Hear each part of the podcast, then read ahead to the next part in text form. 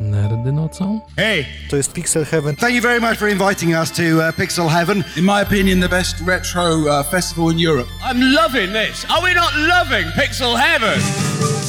How I wish, how I wish you were here. Hello everyone, this is uh, Mr. Saboteur Clive Townsend. Hello. The first question would be about the origins of your game thinking. What was the what do you remember from this pioneer era? Uh, Any title, any uh, I don't know, computer shop, any arcade uh, saloon that put you on the track and started to make games? Um, not so much other games, but films. Uh, James Bond, uh, big fan of James Bond. In the 80s, there were loads and loads of ninja films. So I combined um, a James Bond type character uh, with, or a ninja um, character into a James Bond type story. And that was the original inspiration, a cross between Jackie Chan and James Bond. You have been dedicated follower of Sinclair since uh, ZX uh, 81 days. Uh, when you wrote a tarot card game for this uh, computer, this was uh, your first computer that you, that you had? Um, I actually started off on a ZX81, which a friend had, and then I almost bought one and found out the ZX82 was about to appear.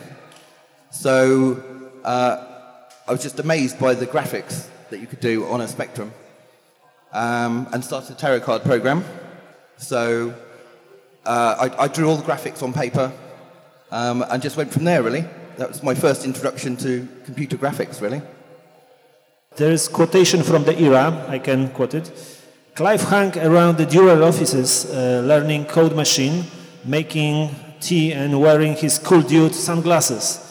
In May uh, this year, uh, it was probably 1984, Durell decided to take him on full time, and he was on the task of writing a game called Death Pit uh, on the Spectrum, mainly so he could learn how to apply the machine code he would learn. It was probably the beginning of Saboteur. Could you describe how you uh, found out in, in Durell? Um, originally, I started making games at home, and a friend of mine uh, suggested that I sell them. So I went to a local shop, and uh, they told me there was already a games company near where I lived. So I took my games along, and they loved the graphics, but said they were too slow. So they're all written in BASIC. So I went to the offices during the summer holidays when I was at school um, and learnt machine code just by watching them and experimenting. And then I was asked to write Death Pit. So while I was working on Death Pit in the office, at home I was working on a ninja game. And fortunately, when the boss saw Saboteur, he suggested that I stop working on Death Pit and made Saboteur into a proper game.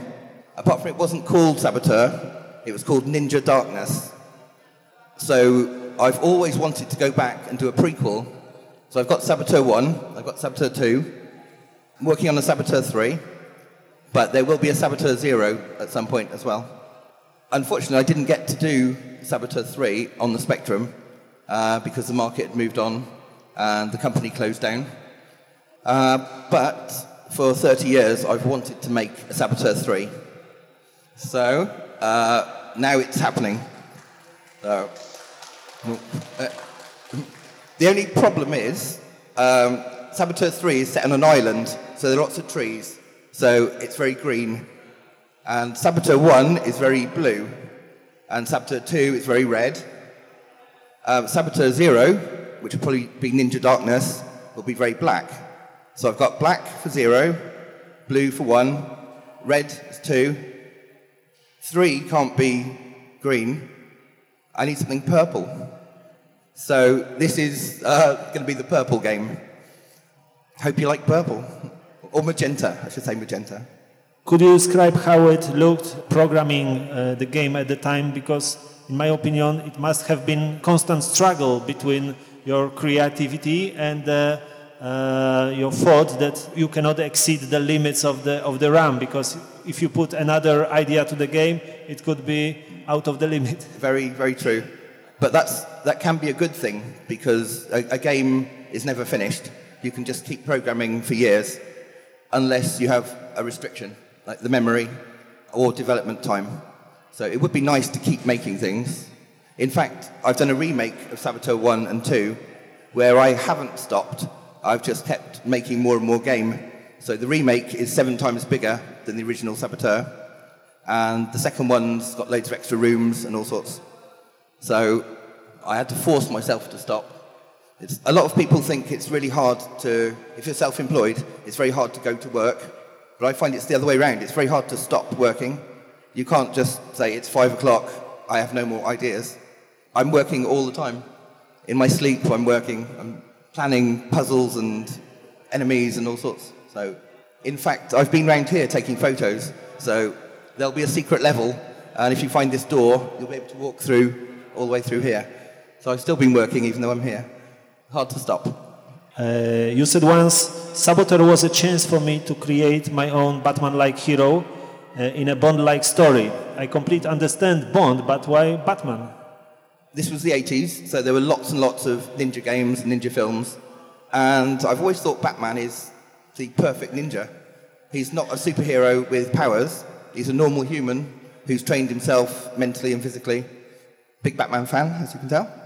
And he's, he's perfect as a ninja because he, he uses the psychology of ninjas and the martial arts of ninjas and cars, which ninjas don't have. He's a perfect ninja. Uh, there is a famous photo of you uh, standing in the leather jacket and dark glasses near the bicycle. It was published in the Crash magazine. It was your normal style, or it was like posture. Uh, it was a pose for the magazine, but the bicycle's mine. Um, I still don't drive a car. I still ride a bicycle. I just don't, don't wear leather jackets, really. That was just a pose. And when you produce Saboteur 2, you probably hit the limits. Uh, you put so many locations, animated motor, introduced paraglide also. Uh, you felt at the time that the ZX Spectrum is not capable of more sophisticated games and you just uh, hit the limit? Uh, yes, again, still wanted to do more, but uh, the games were all limited by the amount of memory and time. Um, the boss wanted another product, so I would have liked to have worked on it more, but couldn't. So again, in the remake, um, that covers all the bits that I couldn't do before. And also, uh, it's been 30 years, so people have asked lots of questions, like where has the hang glider gone? Why are there pumas running backwards and forwards? Um, so now the remake of Saboteur 2 answers 30 years of questions, and all the bits I wanted to put in there are in there. So. Uh, could you tell us how work in Durell has been organized? Uh, you work from 9 to 5 or you just work as bedroom coders? Um, there weren't really deadlines back then. You just worked on a project until it was done. So even though we had an office, uh, we still worked from home at times and worked in the office. We didn't really have expensive development kit back in the day, uh, just a tape recorder uh, and a Spectrum. So I'd load in all the, the source code and the assembler, compile my code, save it to a tape, test it, and load in all the other graphics and the other code, um, find a bug, start all over again, load the assembler in from tape, load the source code in from tape, and a nightmare. So um, for Saboteur 2, we did end up with development machines, so that was a lot easier. And, and then we ended up working in the office more, so it was a bit more organised. But uh, for Saboteur 1, was just half done at home, I think. In Durell, there were two main programmers. Nobody used the word uh, game designers at the time, so everybody was talking about uh, programmers. You and Mike Richardson, who created uh, probably the most famous Durell game, uh, Harrier Attack. It was Yes. very special because uh, it was the one of the first game uh, influenced by the real uh, events, Falkland War, uh, and what was very successful. What memories of uh, Mike Richardson do you have? Uh, the guy's a legend. Um, he's, he did so many groundbreaking things like Thanatos, uh, Turbo Esprit, Scuba Dive. Lots of everything was perfect. And I think that's why Death Pit didn't happen because it was okay, um, better than some games that were on sale, but it didn't have that polish that all Mike Richardson's games did. Um, genius. At the time, who was a leader of, uh, in your opinion, leader of British uh, companies producing games, the leader of the golden era? Um, I, Ultimate, I guess. Knight Lore was groundbreaking, so that was. Have you ever met Stamper Brothers? Uh, I haven't. No, met the Oliver twins. They're very cool. Um, and Jim Bagley, I don't know where he is. Hey, legend. It's, it's really strange for me to be here because I've never done this before, and just meeting people like Jim, it's, it's, it's quite scary. Not that he's scary, but just wow. When you were programming and all of a sudden you got the news that Amiga emerged, you felt that this era of ZX Spectrum is over, or you still wanted to make something special on this computer? I remember first seeing Hold-And-Modify mode on the Amiga, and just blew me away. Um, so I thought maybe that was the end of the Spectrum, but still carried on working on some demos and Winter's Tail, uh, with Garfield game, um, and bits and bobs, but didn't really do any proper programming work on the Spectrum, unfortunately. Um, and then I, I ended up, I took some time off um, because my girlfriend moved away and worked as a, a gymnastics teacher. Uh, so I went and helped her for a while. And then by the time I got back into programming, um, it was the Game Boy. So started on Game Boy and PC.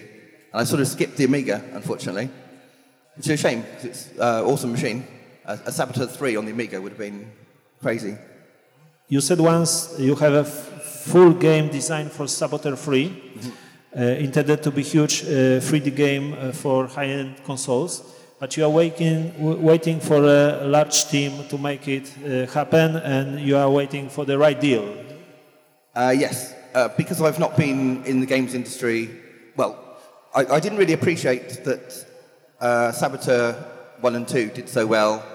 I knew it was partly my creation, but partly the marketing as well. And that's one thing I have no knowledge of is the, the marketing side of things. So ideally, I'm happy to make the games, and I want someone else to either sell them or run a team. If I can use my ideas for Saboteur 3 to make a big, full-on licensed game, then that would be uh, my dream come true. Until then, I'm just doing stuff in Unity. So uh, it's small, but it's authentic. It is it is saboteur stuff. After 8-bit era uh, ended, you, you were working on, uh, I don't know, Amiga, ST or PC on any kind of game? I ended up doing uh, James Pond on the Game Boy, and then some Game Boy Advance games, uh, Thunderbirds, and then ended up doing mobile phone games when the early days of mobile phone games, before you needed a big team. And then I've pretty much spent the last two years working on Saboteur here and there. And my girlfriend, fortunately, is hard at work earning money to keep us alive while I program away. No. Thank you.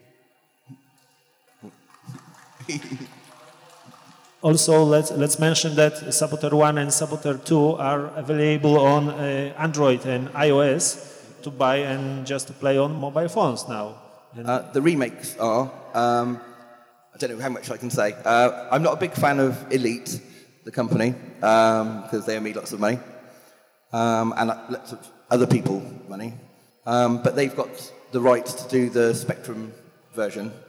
So they can't actually make a new version, they, but they can sell the old one with an emulator.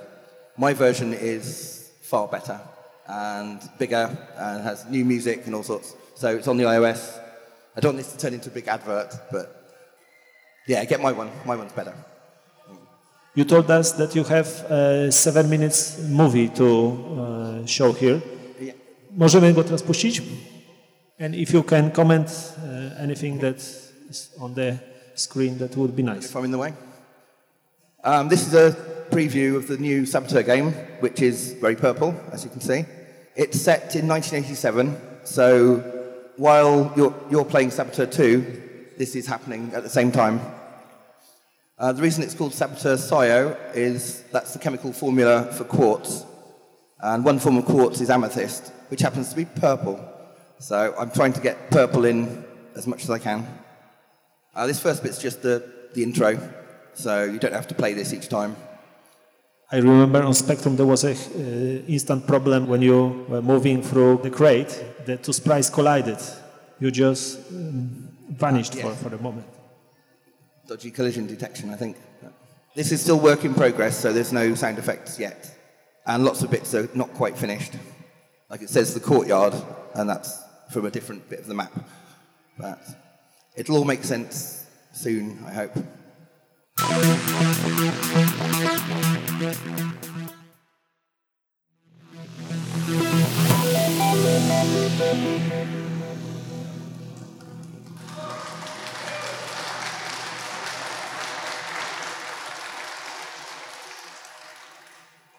Was a little bit like Green Beret.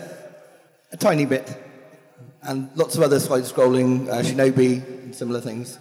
So lots of people have complained that they uh, throw a shuriken and then they don't have sh- any more shuriken. So now it's like a human shoot 'em up. Just a side scrolling 1D game. In some places, there are maps and exploration in some, and gauntlets to run through in others. So bits of everything.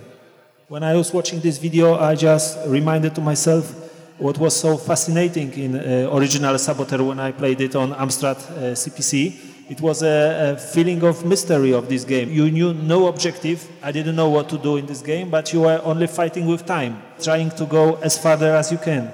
That's because you didn't have the instructions on the case. but no worries. There was a story in, in instruction, yeah? Yes, yep. Um, a small story in Saboteur 1, and then a bigger story in Saboteur 2, um, where the sister of the original ninja had to uh, avenge his death. In Saboteur 3, you'll find out that he didn't actually die. That was just a rumor to uh, get rid of some enemies. And the ninja in the original Saboteur reappears in Saboteur 3. So he's, he's not dead. But you didn't know he was dead because you didn't have the box for Saboteur 2 either. We have about 10 minutes more. Uh, are there a question from you to, to Clive? Hi, Cliff again. Well, my question is, do you you, you will make it uh, with the kind of switching conversion of the graphic like with a remake that is possible to play on your website? Uh, yes, it should be. It'll definitely Spectrum, C64, Amstrad, and then whatever else I can do. I'll just try and cram Okay, as many but- different graphics modes as Okay, possible. but, but there will be one uh, graphic conversion for more high resolution. Um, not higher resolution, but uh, by, the by same resolution as, as was for the score uh, on the bottom of the screen because we had the screen that was like with, with color clash from uh, ZX Spectrum, for example, right? 8 to 8 pixels and uh, this Yes, old, old yeah. school, yeah. So uh, the Amstrad version will be coloured pixels, uh, but uh, for colour mode.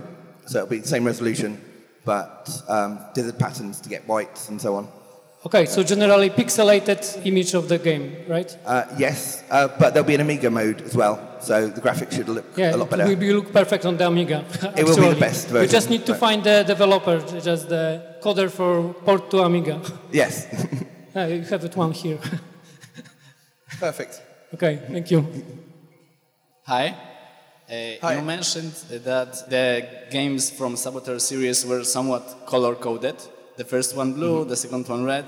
And this is like a new information for me because I played both games on Amstrad with monochromatic monitor, so everything was ah. green for me. so my question is how much my experience were poorer because of that? Um, well, Saboteur 1 was very slow on the Amstrad. Saboteur 2 was better.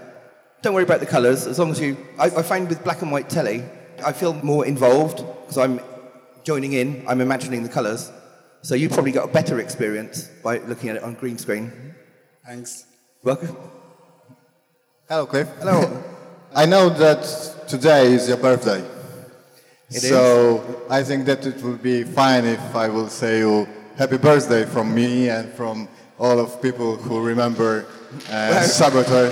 So, You know too much. so happy birthday and have a good day in the Pixel Heaven. Thank you all. I've not had a pint today yet, so I'm going to be catching up. I thought you deserved to get me sober instead of mullered. But Uh, I'm not sure it was asked about already. Uh, will the Saboteur 3 released only as a web application or some binary distribution? It'll be online and download, but I'm, I've been speaking to some people about doing uh, an actual box with a CD. So hopefully that'll happen. That was and the, you can have a, the an second part I copy. wanted to ask about about the boxed edition, which is uh, generally pretty cool. I agree. I think people don't value a download as much, uh, whereas a physical thing they will pay actually pay money for. Exactly. So, we can expect some such such a distribution. It, fingers crossed, you'll have a black box and a blue box and a red box and a purple Oh, box. that would And be then so Saboteur cool. 3 will be a green box.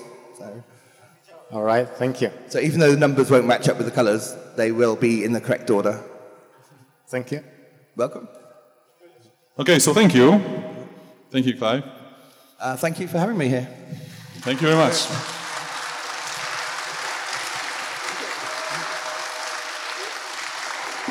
Thanks.